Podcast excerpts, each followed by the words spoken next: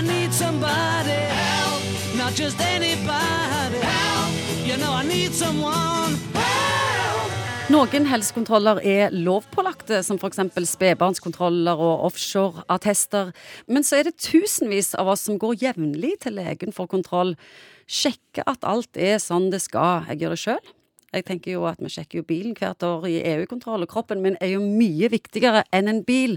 Og på en måte mitt framkomstmiddel. Hva sier du, lege Morten Munkvik, om at eh, folk oppsøker legen på den måten en gang i året bare for å sjekke? De kaller det EU-kontroll veldig ofte, eller en helsesjekk. For Ja. nå er det et år siden sist, og da vil jeg bare sjekke at alt er i orden. Og dette har tatt helt av. Det har tatt helt av, og det er unødvendig.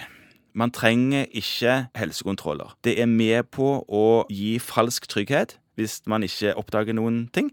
Og så er det òg med på å gi sykdomsdiagnoser til folk som kanskje ikke har de diagnosene. Man har rett og slett falske positive prøver, eller man kan få mye overdiagnostisering. Rett og slett gi sykdom til folk som aldri ville fått noen symptomer av sykdommen sin. Så friske folk begynner å bli bekymra. Friske folk blir bekymra og føler at de må ta en helsekontroll, og det eneste det fører til, er at de kanskje får en sykdom de ikke faktisk har, eller ikke trenger behandling for. Får behandling de ikke trenger, med bivirkningene som følger med den behandlingen, og kanskje til og med kirurgi, med risikoen for de tingene som følger med kirurgi. Men folk blir jo ikke usikre og bekymra uten grunn. For det er jo sånn at du kan jo ikke gå inn på et apotek uten at noen skal måle blodtrykk og sjekke hvor tørr hud du har og hva krem du trenger, eller spørre om du har sjekka deg for tarmkreft. Og du må sjekke føflekkene dine. Ja. Alt dette blir vi jo bombardert Ja. av det. Og her er det veldig mye penger inne i bildet. Og Så folk det er helsevesenet sin egen feil at det har blitt sånn? Vi, i alle fall i allmennlegekorpset, for å si det sånn, vi er jo veldig lite interessert i alle disse helsekontrollene. Vi får jo ofte dette slått inn over oss at de kommer med en eller annen føflekkskanning som de har gjort på et eller annet apotek, eller at de kommer og sier at de har gjort en eller annen måling et eller annet sted som viste ditten og datten. Og det som er poenget, er at de tingene man trenger å sjekke seg for, de gir kroppen beskjed om sjøl i form av symptom. Det er de tingene man må ta opp.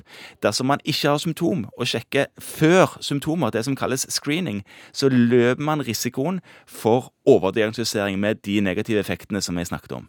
Hvem er det sin skyld, da, dette som har skjedd? At eh, folk har fått en følelse av at eh, de må gå og sjekke seg hvert år? Det er fordi at det høres intuitivt fornuftig ut. Når du innleder denne sendingen, så sa du en del ting som henger på greip.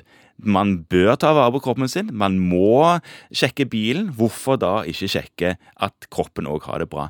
Men det er ikke sånn man sjekker at kroppen har det bra.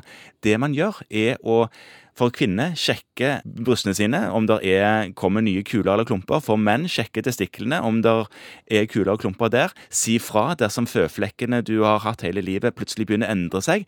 Si fra dersom et nytt symptom dukker opp. Det er sånn man tar vare på kroppen sin. Ikke med å springe til lege og ta en massevis av prøver som man ikke trenger, som gir falsk trygghet og risiko for overdiagnostisering. Hvis noen tar kontakt med deg og sier jeg vil ha en helsesjekk, Da forteller jeg de akkurat det jeg sier til deg nå. Risikoen som følger med de prøvene som den personen ønsker å ta. Og så tar vi de ikke.